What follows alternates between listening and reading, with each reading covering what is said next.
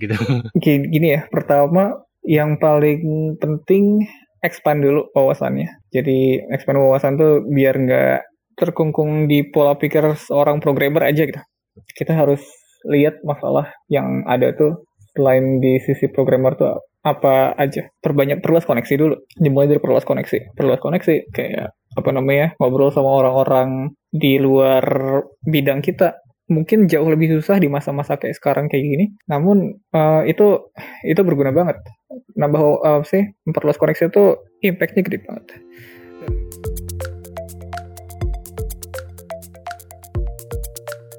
Selamat datang di Ceritanya Developer, podcast yang menampilkan developer, programmer, atau engineer Indonesia inspiratif yang tersebar di seluruh dunia. Bersama saya Riza, kita akan menggali bagaimana mereka berjuang, suka dukanya dalam perjalanan karir, hingga kesalahan konyol saat ngoding. Podcast ini diproduksi oleh Deep Tech Foundation, sebuah startup non-profit yang punya misi menyetarakan talenta digital di Indonesia. Dan sekarang kita sudah bersama Muhammad Mustadi atau yang beken ya disebut dengan Math Droid uh, atau kalau saya sering panggilnya Odi Odi ini lulusan dari ITB, jurusan uh, Mekatronik, Robotik, dan Automation Engineering di 2016. Dan kemudian juga sempat bekerja di beberapa perusahaan, salah satunya Sendit.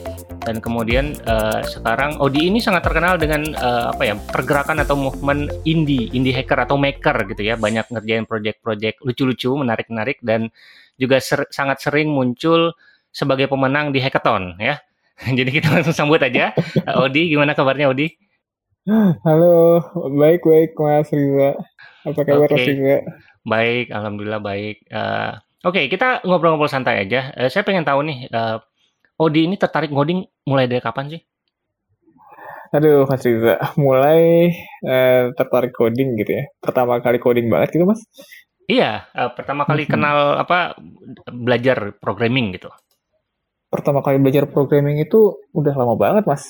Uh, aku di SMP kelas 1. SMP Jadi, kelas 1? Iya, SMP kelas 1. Hmm. Mungkin sebelumnya lagi, sebelum SMP kelas 1 kayak uh, sempat dapat pelajaran mata mata pelajaran komputer kan di SD, Excel dan lain-lain.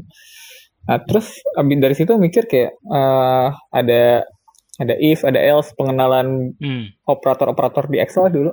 Oke, okay, logika-logika gitu ya, apa hmm. uh, formula ya? Formula bener formula hmm. formula di Excel. Tapi itu pertama kali kena programming tuh di SD itu pas mata pelajaran komputer. Nah pertama kali bikin program sendiri di SMP ketika uh, banyak buku-buku tentang programming di toko buku. Saya dulu tertarik sama buku-buku tentang hacking hacking apa namanya bikin virus bikin apa um, sama pemrograman aplikasi menggunakan Visual Basic Gitu mas. Jadi pertama kalinya di SMP dari buku-buku itu.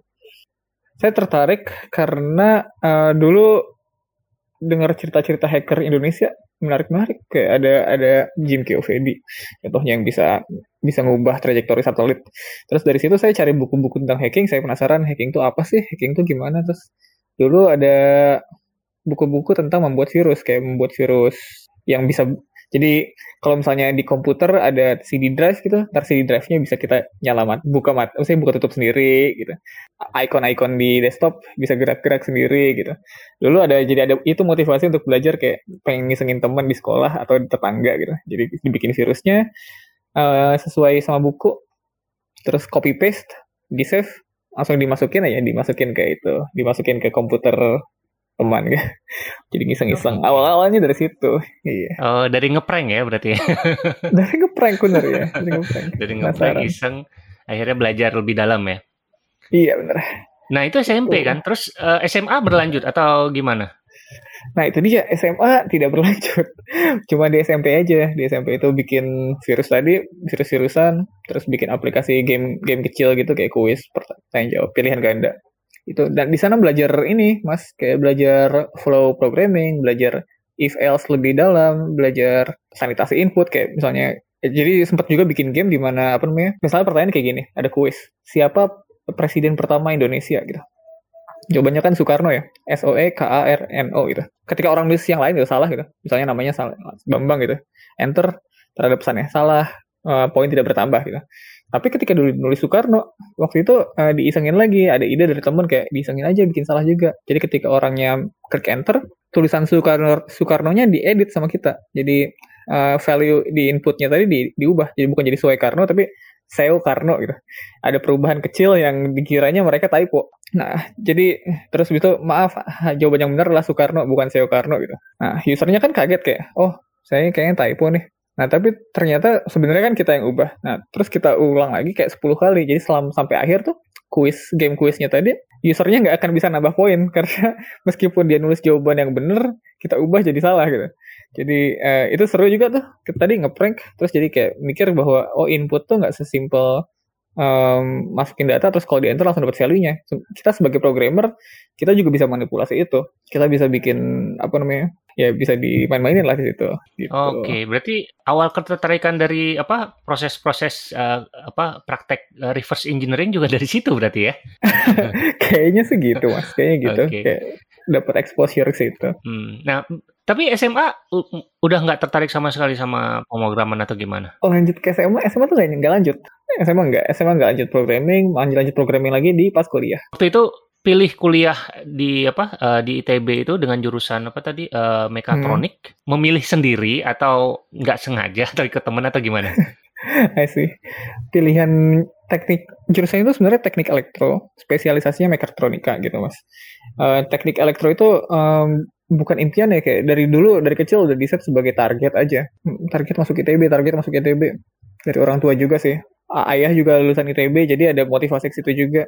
Tapi sejujurnya saya juga nggak tahu betul teknik elektro itu apa. Ya udah akhirnya dari SD SMP SMA belajar fokus sampai masuk ITB masuk ITB sendiri saya juga bingung kayak di sana kayak oke okay, udah masuk nih terus ngapain? Saya juga bingung terus kayak ya udahlah lanjutin aja. Berarti ambil teknik elektro. Padahal di sana di tahun pertama ITB kan biasanya ada tahap, tahap pertama bersama gitu ya. Jadi saya dapat materi teknik elektro dan kawan-kawannya juga materi teknik informatika. Di sana saya baru sadar bahwa sebenarnya saya lebih nyaman di teknik informatika. Udah terlanjur pilih teknik elektro di survei jadi akhirnya masuk teknik elektro di tahun kedua.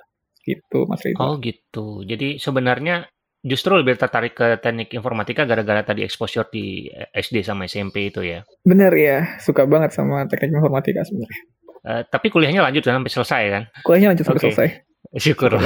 Dan uh, boleh tahu nggak waktu pertama kali apa ngerasain ngoding itu uh, perasaannya gimana sih? Apakah uh, frustrasi atau seneng atau hmm. gimana? Awal-awal coding sama sekali nggak ngerti aja apa, nggak ngerti apa-apa nyoba-nyobain aja. Kayak kalau saya ngubah line ini apa sih yang berubah? Kalau misalnya saya ngubah nilai ini apa yang apa yang berubah di programnya gitu? Bener-bener nggak tahu sama sekali. Nggak ngerti sama sekali. Ya bingung aja. Ini tuh buat apa? Terus kayak kata-kata ini maksudnya apa? Disusun kayak gimana gitu. Gitu. Awal-awal bingung aja. Terus uh, dari kebingungan itu apa yang menyebabkan uh, Odi nggak berhenti? Jadi uh, explore hmm. terus?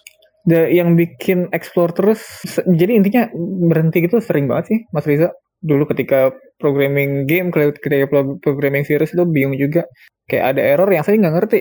Apa? Di bukunya juga nggak ada. Terus yang bikin explore terus ya mungkin ketika kayak gitu adalah ya tadi rasa penasarannya atau mungkin di masa depan mungkin di setelah setelah itu ada kebutuhan untuk maju terus kayak tugas kuliah. Atau misalnya lagi internship. Atau misalnya lagi ya maksudnya ada ada kebutuhan di dunia nyata lah yang mengharuskan saya untuk tetap lanjut. Dan saya kenapa saya berani atau memutuskan untuk tetap lanjut karena saya tahu pasti bisa sebenarnya. Karena uh, apa namanya?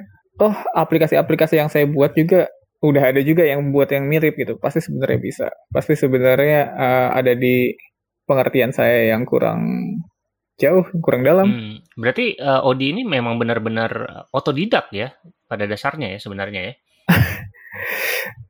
Gak bisa dibilang gitu, Mas Riza. Hmm, bisa okay. dibilang gitu. Oke, okay. nah uh, kalau perjalanan karir sendiri mungkin bisa diceritakan secara singkat gitu, perjalanan karir dari setelah lulus uh, dan apa uh, bekerja sebagai developer.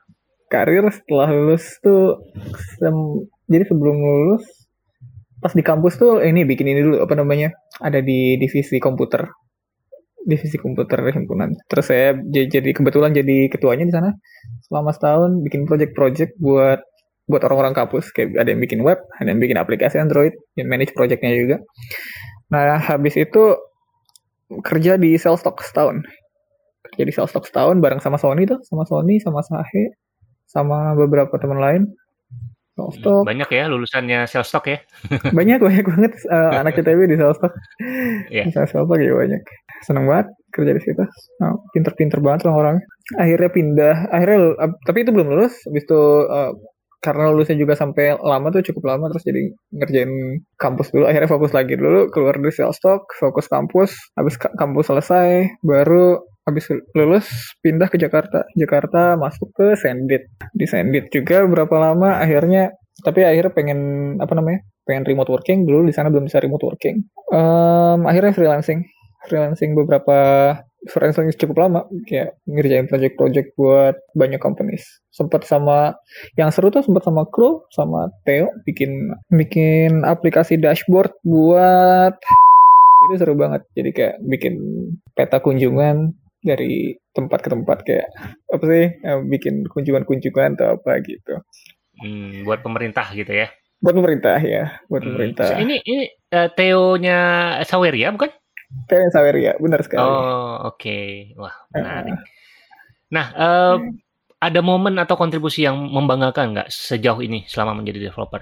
Membanggakan paling yang tahun lalu, Mas. Aku suka, seneng banget tuh, fulfilling banget juga ngerjain yang COVID-19 API.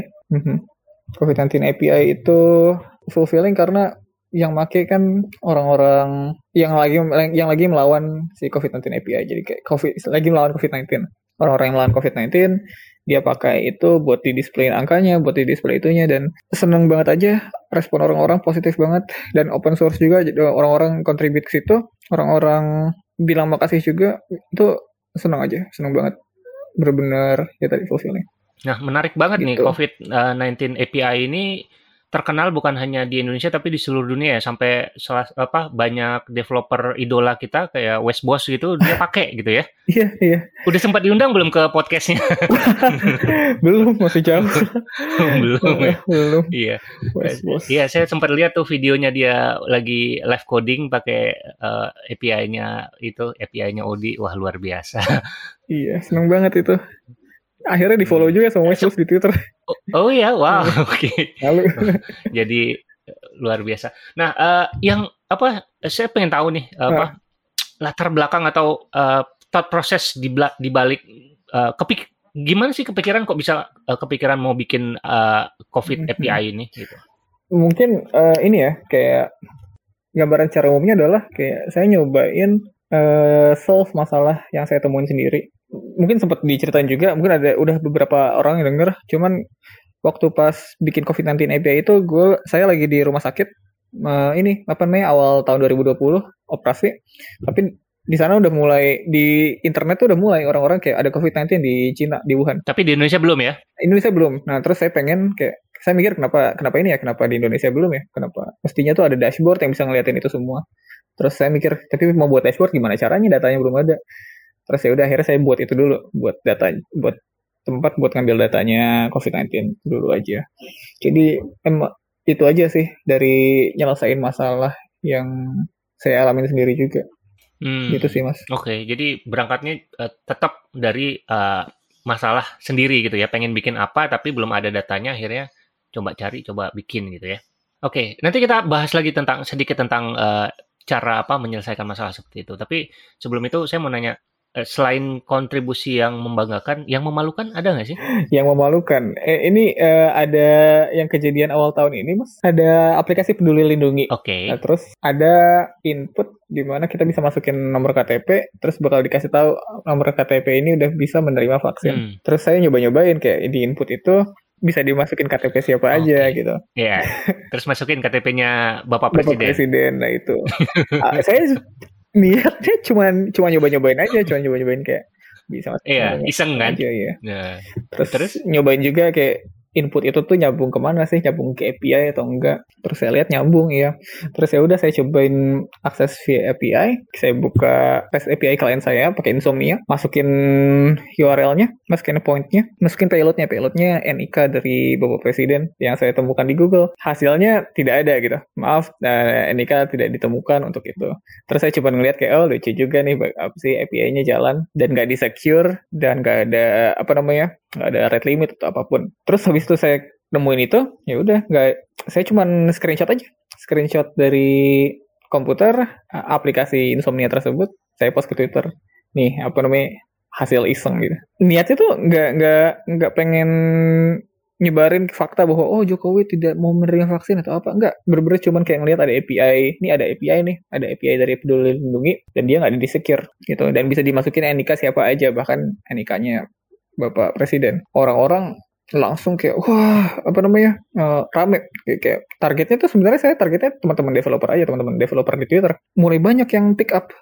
Ada orang-orang dari uh, tim hacker, ada security, terus habis itu nyebar lagi ke portal berita, portal berita, terus habis itu ada portal apa namanya, banyak banget lah menyebar, terus kayak wah Jokowi tidak mau divaksin, wah pres bawa presiden kita opsi tidak ada di daftar nama penerima vaksin, blablabla gitu, pusing banget. Saya juga bingung kayak, aduh, padahal ini cuman pengen ngeliat hasil ini aja, hasil hasil dari insomnia, hasil dari REST API client. Yeah. Bahkan orang-orang yang hmm. nge-cover tadi pun nggak ngerti juga itu screenshot apa gitu loh. Terus ada impact nggak ke kehidupan? kehidupan. Untungnya jadi burnout enggak? Ini ini ini salah satu faktor yang bikin burnout. Enggak, enggak. itu dia Mas Riza. Bukan enggak, enggak, enggak burnout. Enggak. Jadi hmm. sebenarnya burnout itu udah dari sebelum itu dari gitu. Akhir uh, uh, Udah lama ya. Udah akhir 2020 ya. Pertengahan sampai akhir tuh burnout sebenarnya hmm, Mas Riza. Hmm. Kayak capek, capek okay. banget. Uh, uh, hmm, capek. bikin COVID-19 API satu. Terus bantu-bantu dikit di kawal COVID-19. Hmm. Kayak ikut ngobrol juga, ikut yeah. diskusi juga.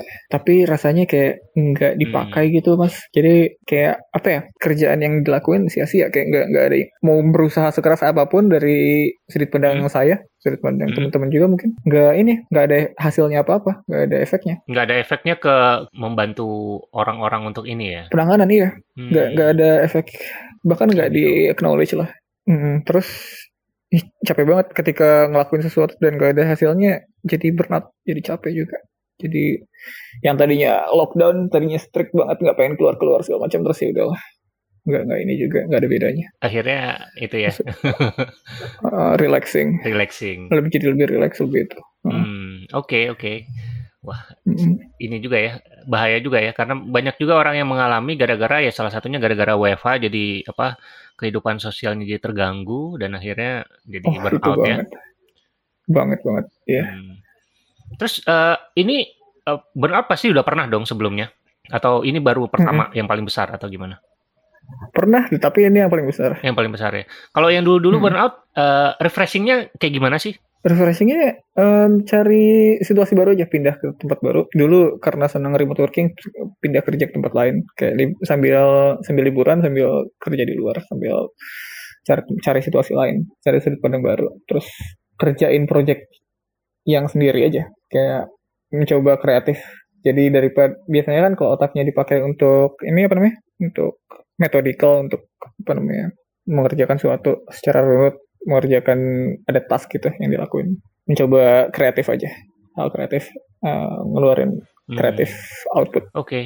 nah kalau ngomongin mentor nih Odi punya mentor nggak sih di awal karir mentor di awal karir mentor di awal karir itu nggak ada sih dulu mentor yang bisa ngajarin tapi banyak teman-teman yang bantu ngasih arahan aja kayak bukan mentor kayak di mana saya bisa wah nanya terus-terusan kayak oh, mas ini untuk tentang programming enggak nggak pernah ada itu kalau mentor justru lebih ke arah yang non programming. Non programming ada mentor aku Mas Iboy. Mas Iboy itu yang bikin sebuah makerspace dulu di Jakarta. Lupa namanya apa. Uh, saya suka nanya-nanyain tapi hal non programming kayak tentang tentang productivity, tentang bisnis, business ideas dan lain-lain kayak tentang indie making juga salah satunya dari situ kayak saya saya percaya sama insight dari beliau. Bagus bagus banget insight-insightnya. Tuh namanya. Mas Iman Zahnur Hidayat.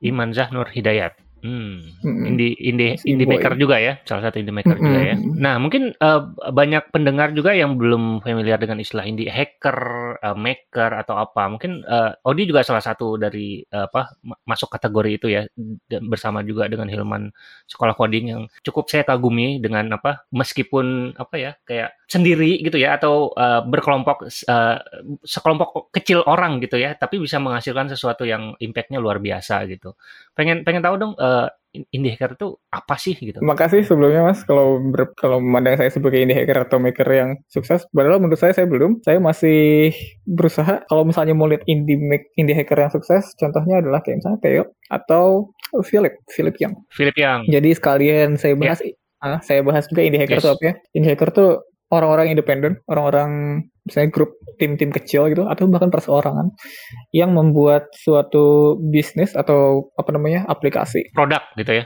Produk teknologi hmm. ya, produk produk teknologi yang profitable tanpa bantuan dari tanpa bantuan suntikan dana gitu. Biasanya uh, bootstrapping biasanya atau misalnya kayak menerima nggak nggak menerima investment dari venture capital lah maksud intinya gitu. Jadi benar-benar bikin sesuatu sendiri membuat bisnisnya berjalan secara membuat aplikasi atau produknya itu berjalan dan profitable gitu. Contohnya kayak Philip dia bikin aplikasi sendiri namanya Session. Session ya. Productivity app. Dia buat apa namanya? ngatur buat catat apa yang lagi dikerjain, terus ada ada pemodor timernya, terus habis itu dia reflect lagi kayak apa sih habis ngerjain apa aja barusan, terus ntar aja aja deh catatannya. Dia bikin itu atau Theo yang bikin Saweria. Saweria, iya, sangat membantu hmm. sekali buat kita, luar biasa. iya, yang bikin terus sama Mas Riza. Iya, yang bikin live streaming hidup juga salah satunya karena Saweria sih salah satunya ya. Nah itu itu indie hacker indie hacker keren tuh. Oh, iya, karena saya ingat dulu, banget dulu waktu awal-awal uh, live streaming uh, berapa tahun yang lalu ya, dua tahun yang lalu. Tahun lalu. Hanya opsi, iya, opsinya itu hanya bisa kalau mau nerima uh, apa namanya donasi itu hanya lewat PayPal. Atau lewat Twitch, eh sorry bukan Twitch, uh, yeah, ya Twitch yeah. Uh, atau uh, Streamlabs ya waktu itu. Dan itu kan semuanya yeah, harus pakai kartu kredit kan. Yang tiba-tiba muncullah Saweria, Karya Karsa, yang gitu-gitu ya, yeah. yang membantu apa konten kreator untuk bisa dapat dapat pemasukan lah, walaupun uh, kalau buat saya sih belum terlalu banyak gitu. Tapi ya yeah, itu luar yeah, biasa yeah. sih. Luar biasa banget, bantu banget. Nah, dan itu timnya kecil banget, mas kan, kan kayak timnya kecil dan mereka setahu saya juga saya saya nggak tahu ya Saveria cuman misalnya session dia bikin sendiri dan nggak ada itunya. Kalau nggak salah saya kemarin lihat Philip akhirnya udah bisa beli MacBook M1 tuh pakai hasil dari revenue session oh wow. Iya. Oh iya. Kalau session itu uh, dia available di uh, App Store ya? Ada App Store, yang ya. dia freemium kan? Freemium ya yeah, freemium freemium. Jadi bisa bisa dipakai dulu, dicoba dulu. Kalau tertarik bisa uh, upgrade ke premium account, nah. itu dapat fitur-fitur yang lebih menarik lagi ya. Hmm, gitu. Seru banget. Nah, uh, saya tuh dari dulu tuh pengen banget punya produk yang kayak gitu tuh. Cuman belum kesampaian sampai sekarang. Iya. Gak bisa bisa. Saya juga, saya juga pengen mas. Eh, saya juga nyobain beberapa kali, tapi belum itu belum uh, belum apa iya, belum belum dapat ya kan bikin cashback aplikasi, cashback aplikasi TRF Money juga tuh hmm, oh iya hmm. Iya, yang yang transfer transfer itu ya? Transfer transfer ya. Transfer antar apa? Antar e-wallet ya. ya. itu gimana proyeknya masih jalan atau? Kodenya masih ada, technically masih jalan, cuman oh, masih ada. Lagi di shutdown, hmm. lagi enggak lagi enggak okay. aktif. Nah, kalau kalau sekarang berarti uh, lagi santai aja atau masih ada proyek-proyek yang lagi dikerjain? Sekarang itu dia mas lagi burnout lagi belum ada yang di lagi burnout ya hmm. Hmm. ada yang ada ada proyek sih ada yang kecil lagi dikerjain dikit kemarin hmm. habis oh. apa namanya ngambil data dari KBBI mungkin pengen di hmm. mungkin pengen di open source nanti nah sekarang hmm. uh, boleh share nggak ke teman-teman developer uh, kalau misalkan mereka pengen uh, apa uh, pengen kayak teman-teman indie hacker nih kayak Theo, kayak Odi ataupun uh, kayak Philip gitu. Kira-kira mereka harus mulai dari mana sih? Mikirin ide-ide yang menarik itu ya katakanlah mau ikut hackathon nih gitu. Mikirin ide yang uh, di luar apa out of the box itu hmm. gimana sih kok bisa gitu. Hmm. Kepikiran aja gitu. Gini, gini ya, pertama yang paling penting expand dulu wawasannya. Jadi expand wawasan tuh biar nggak terkungkung di pola pikir seorang programmer aja gitu. Kita harus lihat masalah yang ada tuh selain di sisi programmer tuh apa aja. Perbanyak perluas koneksi dulu. Dimulai dari perluas koneksi. Perluas koneksi kayak apa namanya ngobrol sama orang-orang di luar bidang kita mungkin jauh lebih susah di masa-masa kayak sekarang kayak gini. Namun uh, itu itu berguna banget. Nambah uh, sih memperluas koneksi itu impactnya gede banget. Dan ketika memperluas koneksi, benar-benar otomatis bakal dapat banyak insight or insight dari orang-orang yang mengalami masalah sesuatu atau insight dari orang-orang yang sudah melakukan sudah mencoba apa namanya membuat solusinya tapi terbatas di beberapa hal yang lain atau misalnya insight dari ya banyak lah kayak kalau saran saya yang paling penting tuh ambil option yang akan memperbesar kemungkinan untuk beruntung. Misalnya, maksudnya maksudnya apa sih supaya ambil option yang bikin makin beruntung? Maksudnya adalah ambil option ketika ada pilihan antara misalnya ketemu orang nih, ada orang baru di Twitter nongol, ada pilihan antara untuk ngobrol sama dia atau enggak gitu. Mending ajak ngobrol aja, kenapa enggak? Misalnya kayak dulu saya sama Westpost atau sama Kent Dot gitu. Ajak ngobrol aja, kayak ajak ngobrol, tanyain sesuatu, gituin sesuatu. Nanti ketika dia misalnya dia reply terus habis itu misalnya misalnya kita tanya sesuatu ke dia misalnya dia nggak jawab pun ntar ada orang lain yang bisa ngejawab juga jadi kayak dapat mendapat masukannya jadi jauh lebih banyak nggak harus dipikirin sendiri kayak solusi dari sesuatu tuh nggak harus dipikirin sendiri bisa dapat dari orang-orang lain Oh ya ya ya. Jadi kalaupun punya ide, ya kalau kalau ya. misalnya bingung idenya apa, tanya-tanya aja ke orang-orang. Kalau mencari masalah tuh masalah banyak. gitu. Kalau masalah nyari masalah masalah banyak, kalau nyari solusi orang-orang lain juga udah banyak yang ngituin solusinya gitu. Uh, salah satu tipsnya adalah ngobrol aja ke banyak orang gitu. Punya ide, sampaikan aja idenya kira-kira menarik atau enggak buat dia gitu ya. Yes. Uh, karena kalau ide kita pikirin sendiri, terus huh. habis itu kita develop sendiri, habis itu uh, kita launching, tiba-tiba nggak uh, ada yang pakai dan nggak berguna juga sayang banget gitu kan. Kayak uh, wah punya ide brilian nih akhirnya uh, ke goa gitu enam bulan bertapa akhirnya keluar keluar terus aplikasinya uh, jadi tapi nggak ada yang pakai gitu nggak berguna kan sayang banget gitu ya jadi mendingan di awal begitu uh, kepikiran ide langsung hmm. aja lempar ke orang gitu ya kira-kira gimana gitu ya proyek-proyek saya juga nggak akan ini kalau misalnya nggak hasil dari hmm. input-input dari orang-orang dari teman-teman kayak banyak input dari input dari luar tuh berpengaruh banget. Iya, berarti mindsetnya mindset open source ya dari awal dari idenya pun di open gitu ya ke ke publik gitu ya kira-kira gitu ya.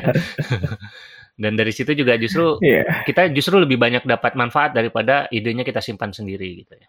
Hmm, kebanyakan ide bisa di kayak gitu ya. Iya, oke. Okay. Dan uh, ada juga yang bilang kayak kreatif kreativitas itu sebenarnya hanya apa ya menggabungkan satu dua atau lebih uh, hal uh, jadi satu gitu. Jadi misalkan uh, kita di bidang sesuatu ya di bidang komputer gitu kita gabungin sama bidang psikologi akhirnya jadi apa gitu ya. Ini, ini bagus banget. Itu mindset yang bagus banget. Saya pernah baca dari siapa ya kayak pokoknya programmer-programmer terkeren yang saya tahu misalnya yang buat aplikasi-aplikasi keren yang saya tahu mereka tuh bukan dari bukan dari programming aja. Tapi justru misalkan kayak dia cuman dia datang dari luar programming misalnya dari musik gitu misalnya dari musik atau misalnya dari apa yang lain. Terus dia belajar programming sedikit dan dia akhirnya buat sesuatu dari dua hal tersebut digabungkan. Gitu. Aplikasi-aplikasi paling keren tuh yang kayak gitu justru. Kayak misalkan um, apa ya? Iya intinya ketika ketika kita dari luar, kita misalnya dari dari bidang lain gitu, dari bidang lain terus bisa ditambahin sama programming, ntar kita bisa nge-solve masalah di bidang tersebut menggunakan programming. Namun kalau misalnya kita datang dari bidang programming, ya kita mau nggak mau kita harus uh, expand wawasan kita tadi, cari orang dari bidang lain, tanyain masalahnya apa yang lagi dihadapin, baru mungkin bikin bikin bikin ke situ. Iya betul. Gitu mas. Oke sip. Terima kasih hmm. tipsnya. Odi suka baca buku nggak sih? Baca baca buku suka. Baca buku ya. Suka. Apa ada buku terakhir nggak yang hmm. dibaca dan mungkin bisa di share ke teman-teman? Buku terakhir dibaca tuh ini sih apa namanya tentang mungkin teman-teman juga lihat dari yang bikin Tailwind CSS tuh dia punya buku Refactoring UI. Hmm, ada muatan. Ada muatan ya. Refactoring UI. Terus saya juga baca bukunya terakhir bukunya si ini Hank Chisel Joe uh, Hidden Works. Ini eh, judul bukunya Every Layout. Jadi ngebahas uh, semua layout-layout dasar yang digunakan di website dan diimplementasikan hanya dengan CSS. Itu bagus banget. Jadi nunjukin kekuatannya CSS se sepenuh mungkin gitu. Oh iya, ada muatan ini juga salah satu indie hacker yang berhasil ya. Dia bisa bikin sebuah tools ya. Tools yeah. pemrograman. Ini kan agak jarang ya, tools pemrograman terus bisa iya. dimonetize yeah. juga gitu kan. Cuman bikin CSS yeah. framework, ya cuman bukan cuman ya. Bikin CSS framework. terus dipakai banyak orang, terus akhirnya dia bisa berhasil monetas ya, luar biasa ya. Itu patut dicontoh iya. juga. Itu keren banget. Pas keren mereka banget, baru ya. pertama launch terus kayak uh, hmm. langsung baik yang beli kan itu kayak apa namanya? Tailwind Components ya namanya. Iya, iya. Itu langsung uh, Iya, dia tapi emang dia jago sih, maksudnya mikirin produknya juga uh, Tailwind ini kan bukan bukan barang baru kan, maksudnya udah cukup lama juga dia kembangin kan sampai akhirnya bisa yeah, yeah. pikiran monetasnya itu setelah berjalan beberapa tahun mungkin kan. Mm. Nah, kalau misalkan ada mm. teman-teman yang dengerin nih mau ngobrol sama Odi, kira-kira sosial media yang paling cocok uh, ke mana ya? paling cocok di Twitter aja. Twitter uh, paling aktif ya. ya? Twitter.com slash Oke. Okay. Uh, uh, dan atau di Discord juga bisa cuman uh, sayangnya tuh Discord aku lagi lagi lagi belum tergatis karena lagi tadi burnout tadi lagi capek lagi Oke. Okay. Uh, mau oh iya, uh, Odi juga punya punya ini ya, punya apa uh, server Discord juga yang buat apa ngobrol-ngobrol santai ya. Dan hmm. itu ngobrolnya juga menarik karena ngobrolnya sama orang-orang di luar bidang uh, pemrograman juga ya, banyak ya. Iya banyak banyak dari luar. Hmm. Iya, nanti kita kita share di show notes aja ya, uh, apa link ke Discordnya sama tadi twitter.com/slash ya yang paling aktif ya. Siap siap ya. Oke deh kalau gitu, terima kasih banyak. Uh, Odi atas waktunya sukses terus buat kasih banyak juga Mas Riza akhirnya